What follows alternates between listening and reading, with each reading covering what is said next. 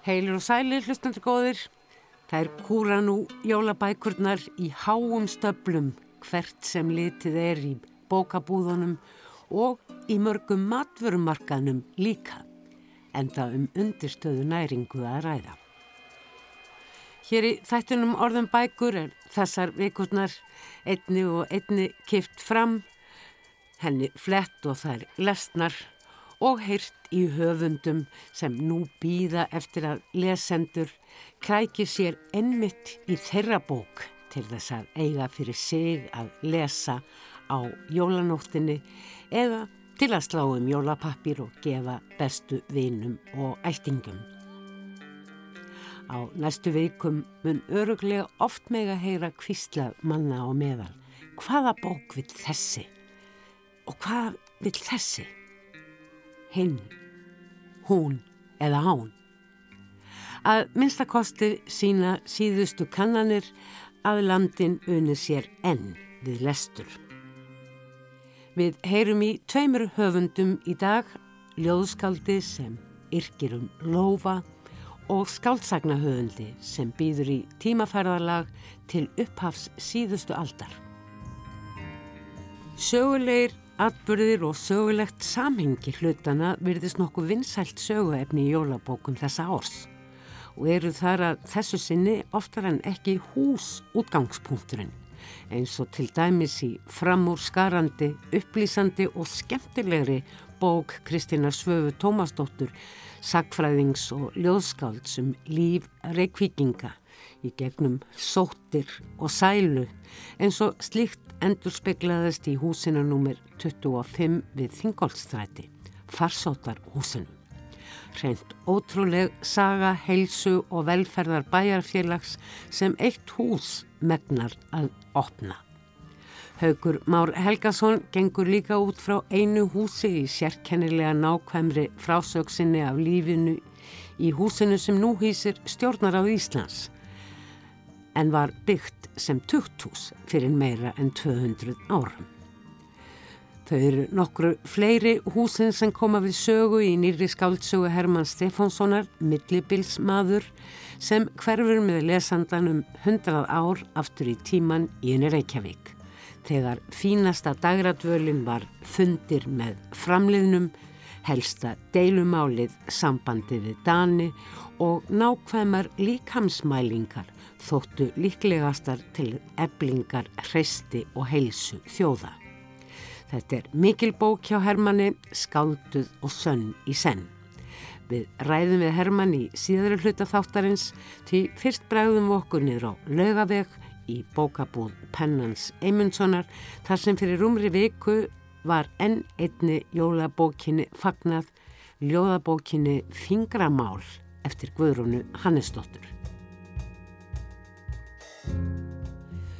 Guðrún Hannesdóttir fyrir um kennari og bókastafsvörður og höfundur allmargara bóka fyrir börn afhjúpaði ekki fyrir ná setni skeiðum æfisinar hversu gott ljóðskáld hún er. Fyrsta ljóðabók Guðrúnar Fléttur kom út árið 2007 og vakti strax artikli á þessari staðrind. Og árið áður hafði hún fengið ljóðstaf Jóns úr vör. Nú eru ljóðabækur Guðrúnar Hannesdóttur orðnar átta og enn sama tilhökkunarefnið að opna nýja bókeftrana. Guðrún er nefnilega kortvikið senn svo fylgin sér og frumleg í ljóðmálu sínu og svo er íslenskan hennar Guðrunar svo sannarlega ylhýr. Í þessari nýjustu bóksinni Fingramál heldur Guðrun áfram að skoða skilningarvitin eða skinnjunarvitin. Í síðustu bók á undan þessari nýjustu, Speilsjónir, var hún með aðtekli á sjón og sínum. En í þessari er það kannski snertingin, fyrst og fremst þó hendurnar. Gefum Guðrúnu Hannesdóttur sjálfri orðið og heyrum nokkur ljóð úr bókinni Fingramál.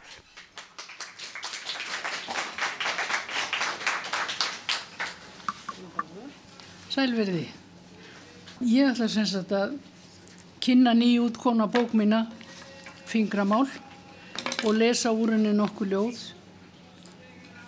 Ég ætla ekki að segja margt um bókina sjálfa því að ljóð verða náttúrulega að fá að tala sínum máli sjálf og hver lesandi skilur þau sínum skilningi og svo kannski allt öðrum skilningi ef þau eru lesin í annarsinn eða oftar. Ég ljóðagerð er náttúrulega ekkit annað heldur en tilraun einnarmanniski til þess að reyna botni sjálfur sér og veröldinni. Ein af ótal aðferðum náttúrulega. Það eru nú ekki allar jafn skilvirkar, svo maður segir nú ekki meir. En í síðustu tveimur bókum þá hef ég að ganni mínu reynd að þrengja sjónarhóttnið og að snúa mér að okkar legsta samnefnara sem eru skilningavitin. Þau eru fá og hérna sjón, heyrn, ilmann, smekkur og tilfinningur. Þetta var, var kallað þegar ég var á dögum sko en það er búið að breyta nöfnunum og fjöldin er eitthvað svolítið á reiki en það er mjög gaman að velta helstu skilninga af eitunum fyrir sér og reyna að leggja þau svona til grundu allar einhverjum skilningi. En náttúrulega þegar upp er staði þá rennur upp fyrir manni að skilningavitunum er enga meginn treystandi. Þau eru við sjálfverð eins og þessi markfrægi veruleiki sem lætur ekki negla sig au, au, hérna niður. Hvort sem að kemur á hann af löngu eða stuttu færi, þá eru svo flækist í sig alltaf það sama. En það má reyna. Ég er að fikra mig svona svolítið nær þessu þrönga sjónarhóttni mér til gamans sem að kalla það nú ekki rannsóknaraferð og sjóf og hátilegur.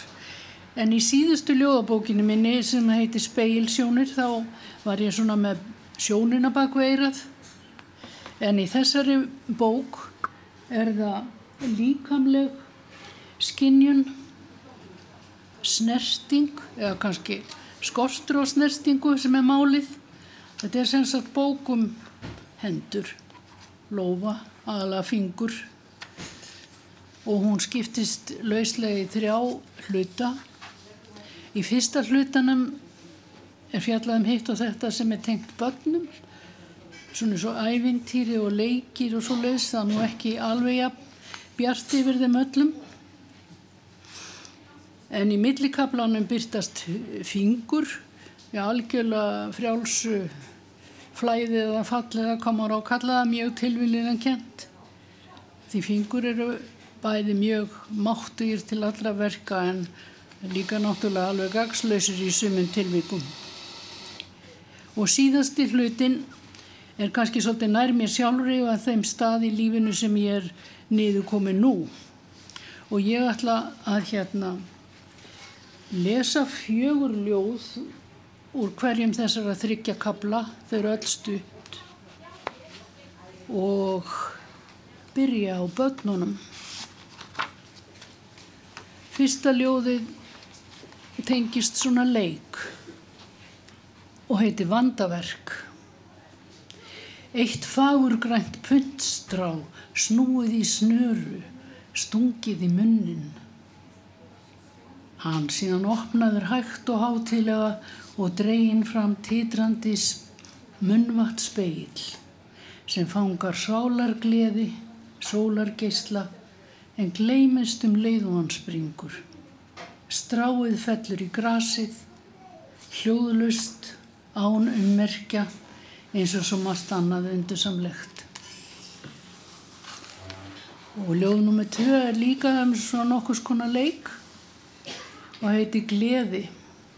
Skomað þræðinálina, nýti rækilega hnút á endan og tölurna renn eftir þræðinum leggjast þjætt og fallega hver upp á annari með lágum fjörlegum smelli eins og tungl eða skáldkonur. Það er kvítu og allir hinilítinnir, perlumóðu tölur, glertölur og langir sigri rósandi þræðir liðast um allan bæ og tölubóksinn býða sneisa full. Næsta ljóð er nú svona kannski aðeins dimmara en það heitir réttrúnaður. Og það vantar nú ekki réttrúnaðurinn reykja upp sitt fúlatríni víða. En það er svona.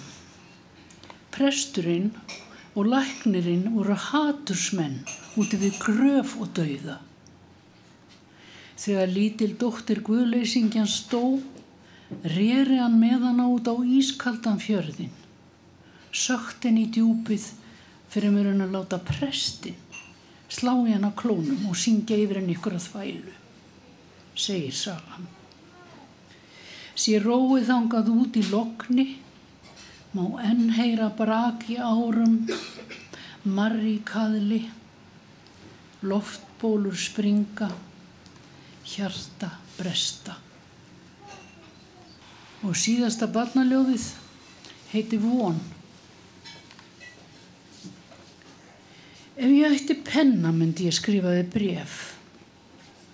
Ef ég kynna skrifa ætti pening og pappir og fyrir frímerki. Mamma saði einu sinna ég hefði talað hebresku því ég lág í vöggu.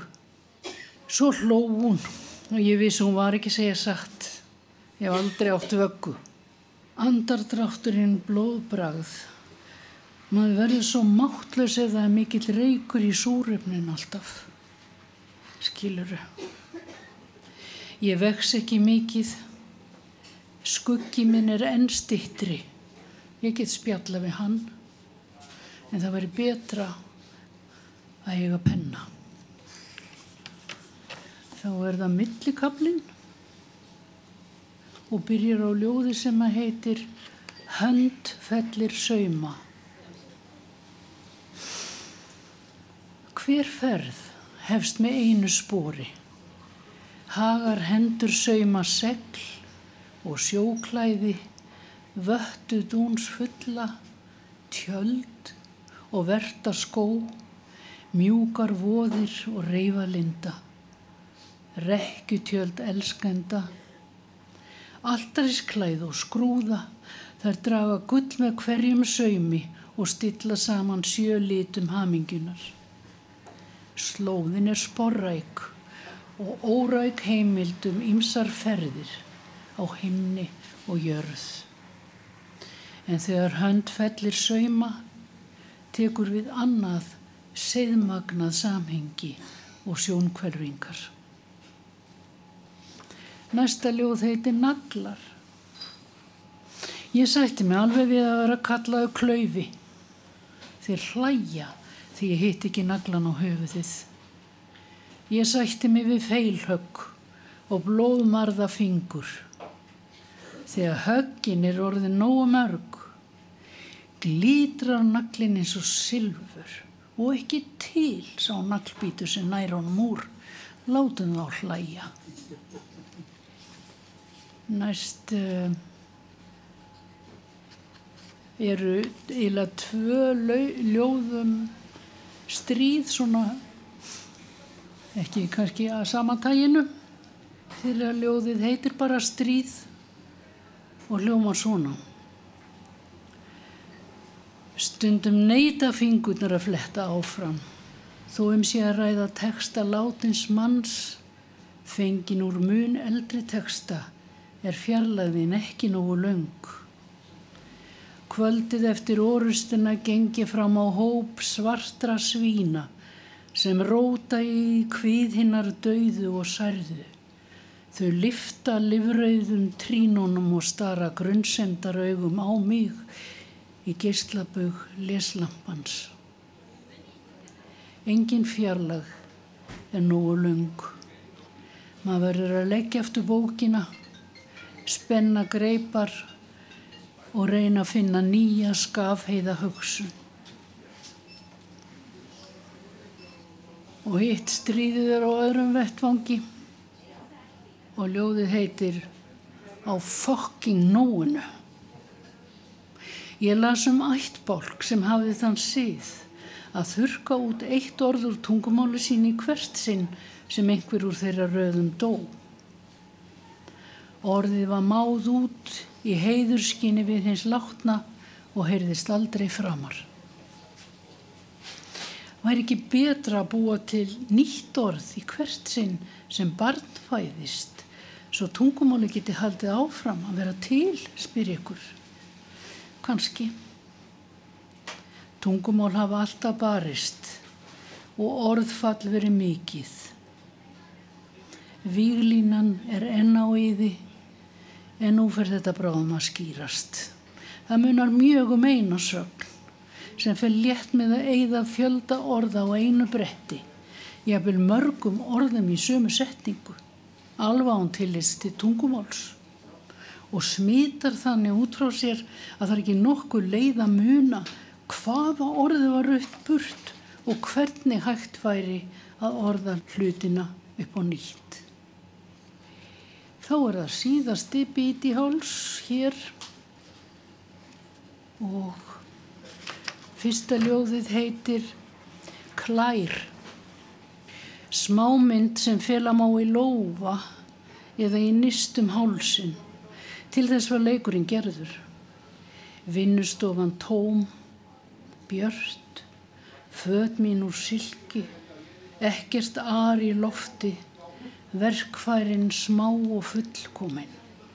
Pensillin nokkur íkornahár, litir í skeljum.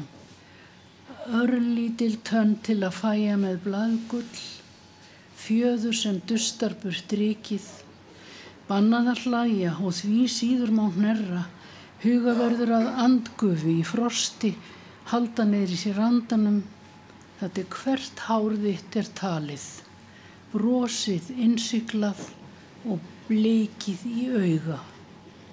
Nú hef ég skilað mínu verki og nú á engin, ekki einu sinni dauðin brúglega klær til að opna með nistið, aðeins ástnæmir alvanir fingur duga. Ég næsta ljóð er ákala stutt og heitir Innan handar. Þegar fingrum er dift í skýrnarvatnið, lofi lagður á brjóst hins látna í hinsta sinn, nær vit þitt og vitund áttum, eitt orðlust andatak. Allar vögguvísur heimsins verða að einni. Næsta ljóð heitir Óbimberun.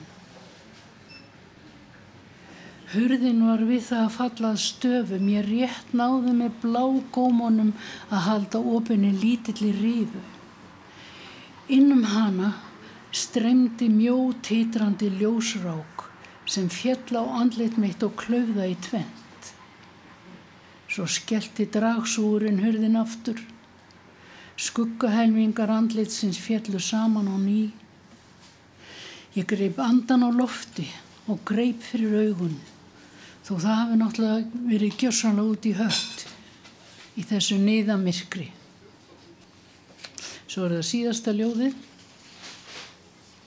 Það mætti líka kalla ofinberun, það er annars konar ofinberun og það heitir hérna fingramál eins og bókin þetta ljóð kom til mín og það er rétt að sagt bókin kom alveg til mín við þetta tækifæri sem ég fekk ofinbyrjununa ég var stött í hérna jarðaför, ég var stött í kirkju.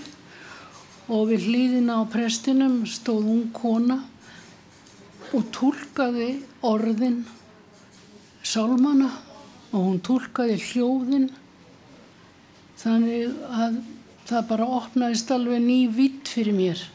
Ég get náttúrulega alls ekki skýrt ekki eins og fyrir mér hvað það veldur ykkur en ég ætla að lesa ljóðið og það heitir fingramál allt hverfur með flugi handana flögri fingrana og bendingum. Tekstar sálmanna leysast upp. Flæða sem lífsins vatn byrtast með nýju letri, nýju gliti. Hljómfallið fleitur okkur leikandi og létt burt frá landamærum þagnarinnar, yfir tálmanirnar, trúleysið og ennlengra. Jafnvel það sem glatast í þýðingu er gullvægt og skiptir öllu máli. Ég þekki það aftur og voknar um augu af einskjari gleði.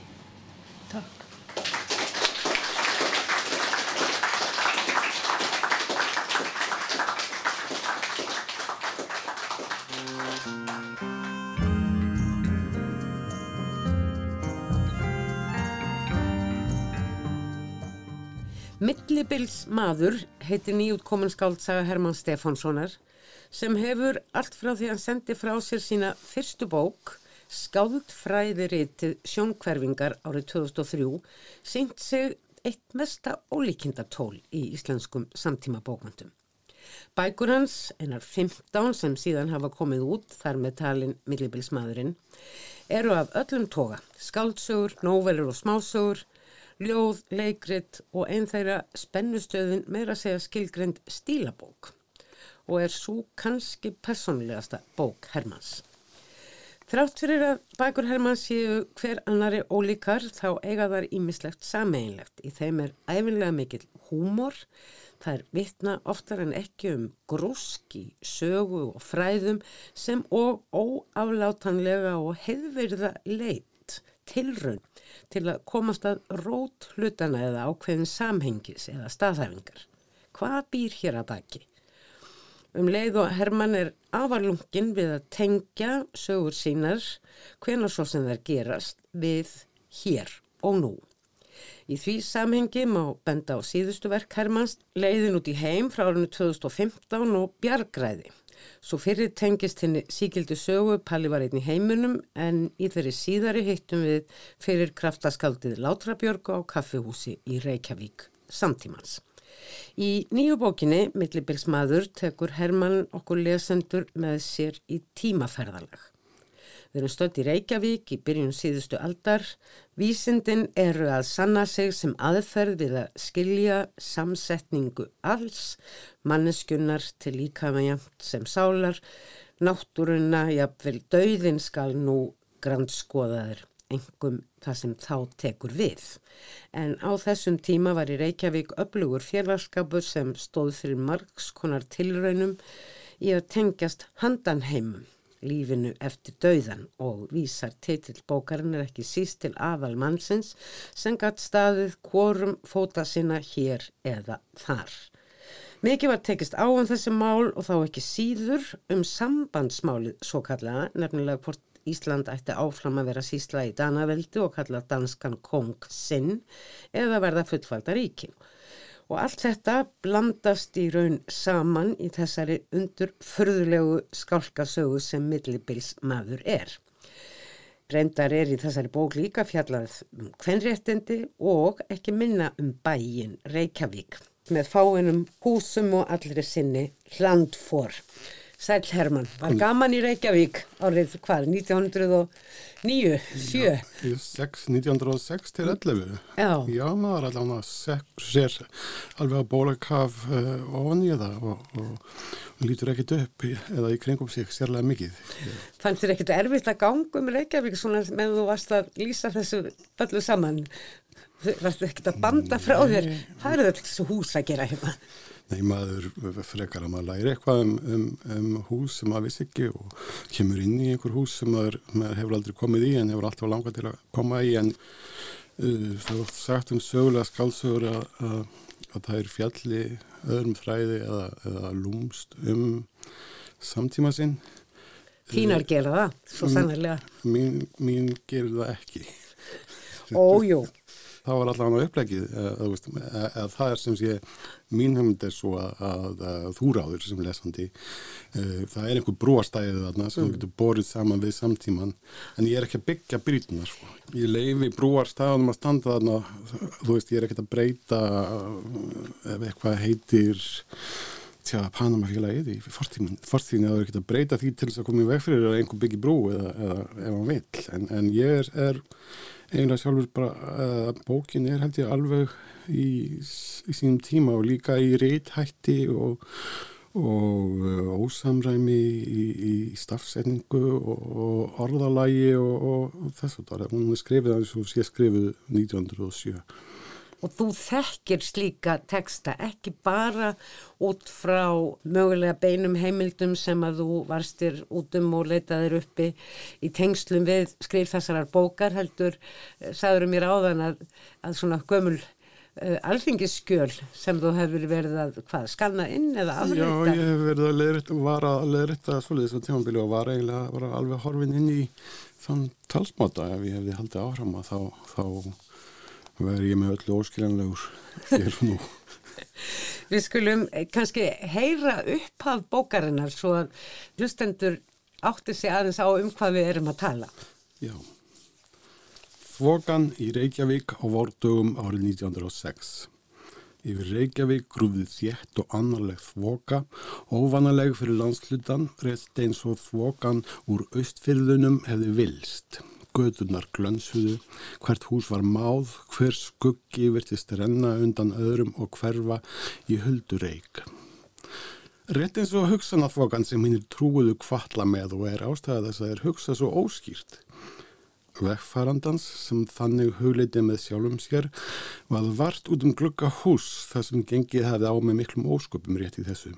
Þetta var hávaksinn, mjóslegin og langleitur maður með yfirvaraskegg og hatt og hann átti sér alls engan guð. Hann stikaði eftir mjóstíði gegn fókuna og fór rætt yfir þótt vart sæjust handa skil. Þegar hann nálgæðist húsið þar sem hann vissi að framfóru tilraunir með samband við framleina, tók að sjóða í hann um ergelsi yfir einaði í landa sína. Hann hugsaði áfram með sér, aldrei skal það bregðast að Íslandinga verða bergnumdir og helst sem flestir í einu. Ávald skal það vera vegna helberar vittlesu en ekki þess er til framfara horfir. Innlegt skulu íslenskir taka öðrum þjóðum fram í einhug um það er eigi skiptir nokkuru máli. Manninum sem augu á glugga báru kennsla á að var ungur leknir eða rétt kominu væsku skeiði var þá að þanga að ekki væri einræða hans við sjálfa sig alveg með málefnalegasta móti. Betur færið að leita skýringa en að fordæma. Hann komast óðara nýðustöðu. Þetta lág í sjálfum rótunum, í þjóðar eðlinu. Nýðustaðan matlaði með honum.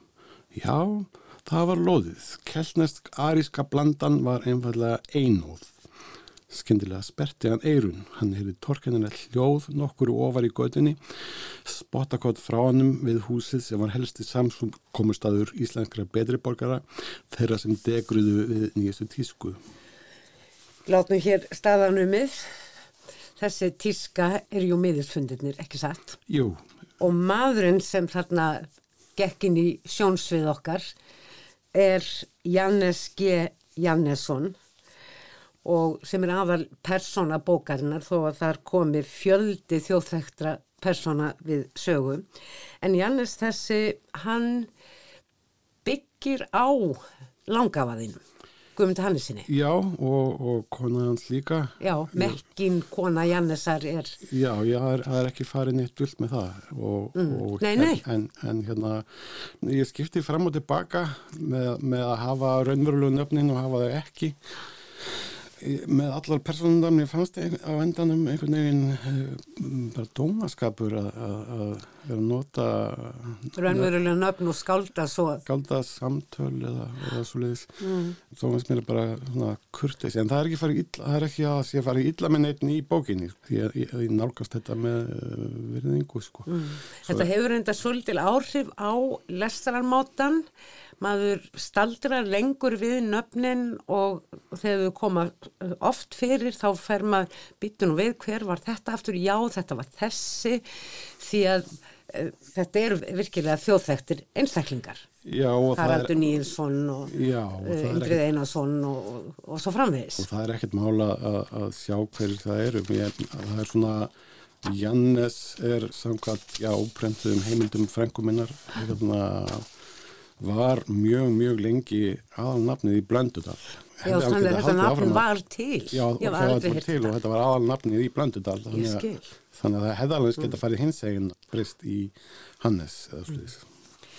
En þessi saga sem við lesum í þessari bók, hún gengur mikið út á þetta sem ég nefndi í upphafi, sönnum þess að vísindin efl okkur allan skilning og allt sé hægt að finna út úr með vísindunum annars vegar og hins vegar þessi handanheima vísindi sem ganga í bókinu svo langt að, að það er ákveðni ráðamenn þjóðarinnar ætla sér að fyrsta lega fjölga Íslandingum en því að láta það tingast við fólk úr andan heimum og í öðru lagi bara verða í framvarðar sveit sem sagt allsherjar samfélag þar sem allir komið saman, lífs og liðnir og svo er það sjálfstæðis baráttan vissulega hvernig, hvaða sögu ætlaði þú þér að segja? Sögu vísinda, sögum trúar þörf, sögu Reykjavíkur, sjálfstæðisbaráttunar eða langaði þið einfallega til að kynast langaði þínum og langaði ömmu og segja ástarsögu þeirra sem er líka þarna? Já, það var nú svona óvart sko. Ég byrjaði á bókinni hún átti að vera novela í fyrstu personu uh, stutt og bara um þessa sögu sem hefur fyllt mér alla æfi um þetta, þessar tilrönnir hans með, með miðil eða sem sé hann trúði ekki neina, hann var guðlýsingi samfæður mm. og, og hérna gerði þessar tilrönnir og það eru skjálfestar, það er fundargerði tilrönnafélagsins komuð þess að út á prenti fyrir nokkur árum, Karlóta Blöndar held síningu og prentaði fundargerðinar og svo eru það líka á þjóðbókninu og svo er, er aukaleg fundargerð sem, sem hérna hann og konans eða sem sé hann var reyndar æfðið sig að skrifa í myrkri. Hann gerði allt mjög nákvæmlega og, og hann var mjög vísindarlegur og afgerandi já, og hann trúði alls ekki á, á, á neitt. Og, og var ekkert að fela það. Hann, hann gekk í þetta til þess að fletta ofan af uh, svindli sko. en síðan þróaðist þessi bók og hún Ég fór út fyrir Guðmund Hannesson, ég kom staðýmsum um langkomi mína sem ég vissi ekki og mamma vissi ekki. Mikið listakona, já, það er mjög listræn já, það... og sjálfstæð, ótrúlega sjálfstæð kona miða við sinn tíma, ekki sagt. Jú, eða, eða kannski voru uh, efrist ég þetta konur bara ekki eins ósjálfstæðar og, og, og almennt er haldið. Hérna, hérna er mentu myndslega kona og hérna bókar kápuna eða uppbrotið príðir málverk eftir hana mm. og svo er hún viðskilt að séni hérna, hún sér um fjármálum, það kemur ítrekkað fram já, í þeirra hjónabandi og, og þeirra heimilishaldi og allt það sem hinn raunverulegi Guðmundur Hannesson gerði uh, hús sem hann teknaði, hann teknaði spítar á Akureyri Jú. og þeirra eigið hús á Akureyri, eitt hús í eða hverju skutu tólf sem var svona þeirra skrifaði heila bók um skipulagsmál bæja og, og svo framvegis og aðra um skipulagsmál sveitabæja mm. og, og allt það sem hann tók sér fyrir hendur fjármagnaði Karluna, hún var engabatt breðfjörshjóna og, og breðfjörshúsið sem, uh, sem flesti þekkjandi nafninu fjallakvættin Já, það er fjallakvættin Það er fjallakvættin og það er eiginlega þeirra deila, hann vil ekki skýra barninu sín. Amma mín var kvorki skýrinu femt en hún vil skýra þau og mm. hún er, er prestdóttir og hún hefur sína trú þegar við vorum fyrir Norðan á Akureyri og þá uh, leimaðist hún þegar, þegar hann uh, þurfti að bræða sér bæ í lænsvitjun og og helt skýrn og mikla skýrnaveslur sem hann misti af en hann, hann vildi ekki vera hann misti eiginlega af því viljandi.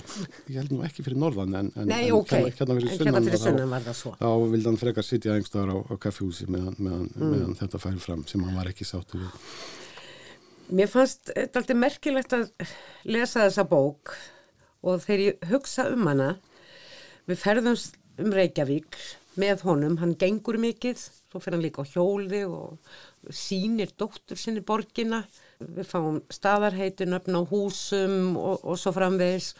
Og þeir hitta fólk og okkur sagt hvernig það klæðist og svona. Og svo er þessi riðtáttur og þessi fjöldi af personum og þessar miklu hugleðingar sem að minna mann svo litið á uh, gömlu rúsnesku skálsögurna, Tolstói og, og, og Dostojevski þar sem fólk er endalist að ræða saman og viðra hugmyndir sínar sem að hefur svolítið dreyið úr í skálsögum síðustu árin en þarna er það svo sannarlega til staðar. En mér fannst ég alltaf dött í einhverju svona einhverju þrývítar móteli sögunar með tungumálið, með umhverfið, með fólkið og væri svona ganga á milli allskensi vistarvera. Hva, hvað finnst þér um þessa lýsingu? Ég er bara mjög ánægð með það.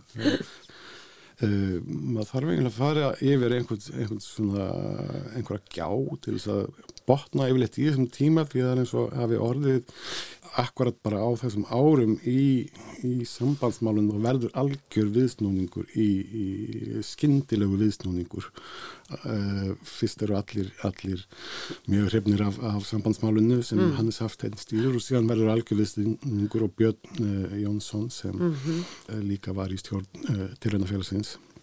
til reyndafélagsins Ákafur andatrúamæður Já, eins og, eins og eiginlega allir betri borgar á þessum, eða langt flestir. Þetta var svona, uh, hvað ég að segja æðri dægratöl Já, og það kostiði ekkert ekkert smá að vera í tilhörnafélaginu en það rak hús uh, let reysa hús og, og rak uh, starfsmann sem var indriðið miðl þessi mm.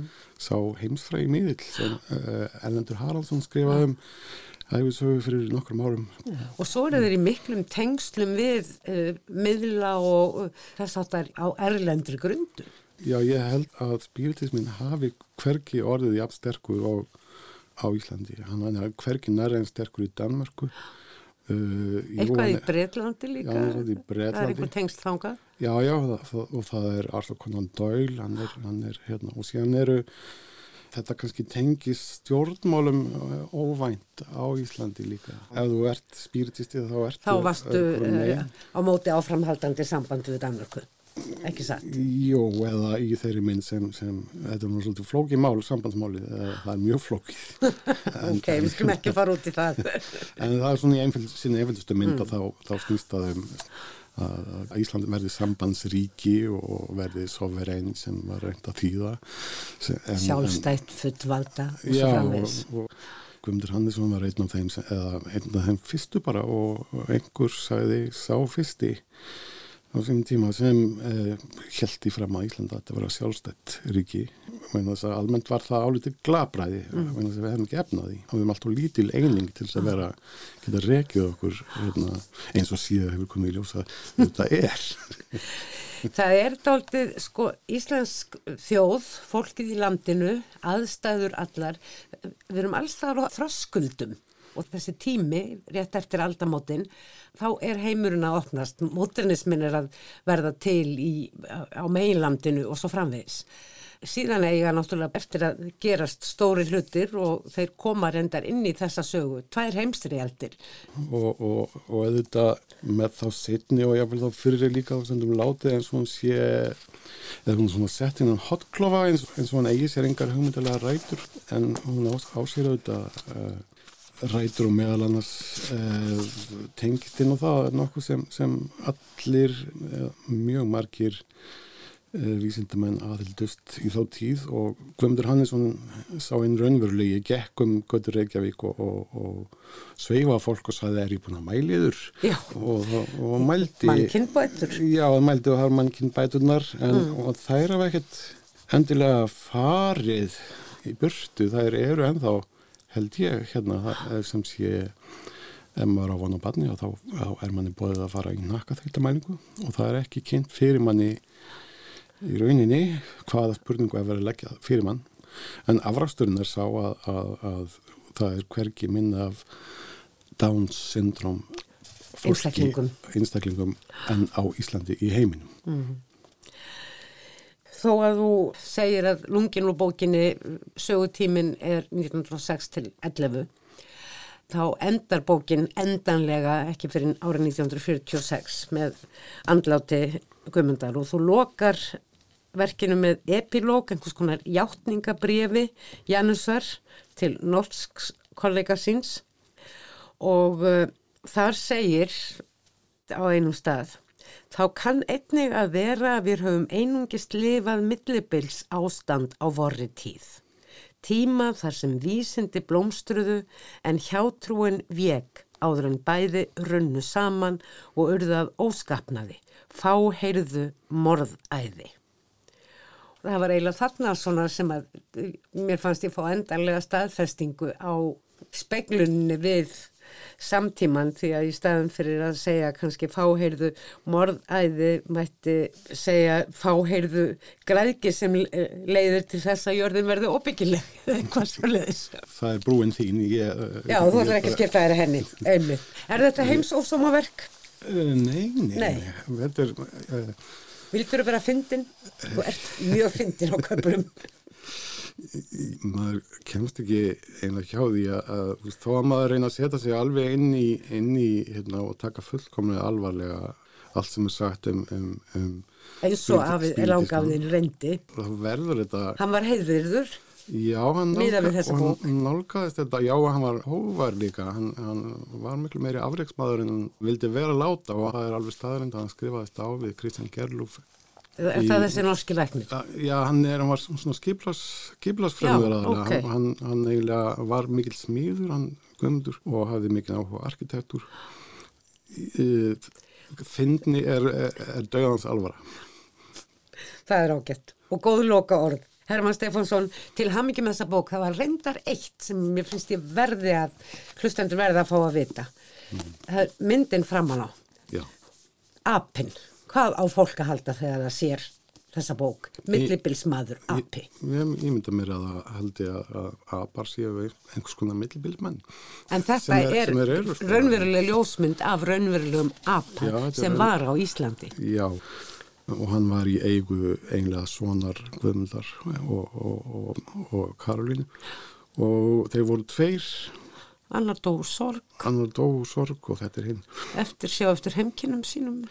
Já, Stengri með Matti á svona læknir sendi e, þessa apa til Íslands með skipi og hérna sonur e, Matta Jokk sem var mjög mikil vinur e, Guðmundar og, og þeir hittist á hverjum degi og reddu, reddu trúmálu voru aldrei saman um neitt en, en gáttu þetta rætt saman sko. Það er- Þetta er raunin algjörlega stórkostlegt. Komið tveir apar frá Kína til Íslands. Var ekki það sem þið komið? Jú, ég menna mér er þetta alveg magnað að, að amma mín hafi leikið sér við apa mér dreymur um þetta, mér langar í apa mér langar það alla æfi Heyrðu, en hér látum við staðan umið. Kæra þakkir fyrir komuna í þáttin orðum bækur, Herman, Takk- takk til fyrir að hamingum orðin. bókina. Takk Fleiri verða orðum bækur ekki að þessu sinni. Við minnum á heimasíðu þáttarins rúf.is skástrygg orðum bækur í einu orði þar sem hlusta má á einstök viðtöl stundum í lengri gerð. Takk fyrir að hlusta hér og nú. Tæknimaður þessa þáttar var Lítiða Gretarsdóttir verði sæl.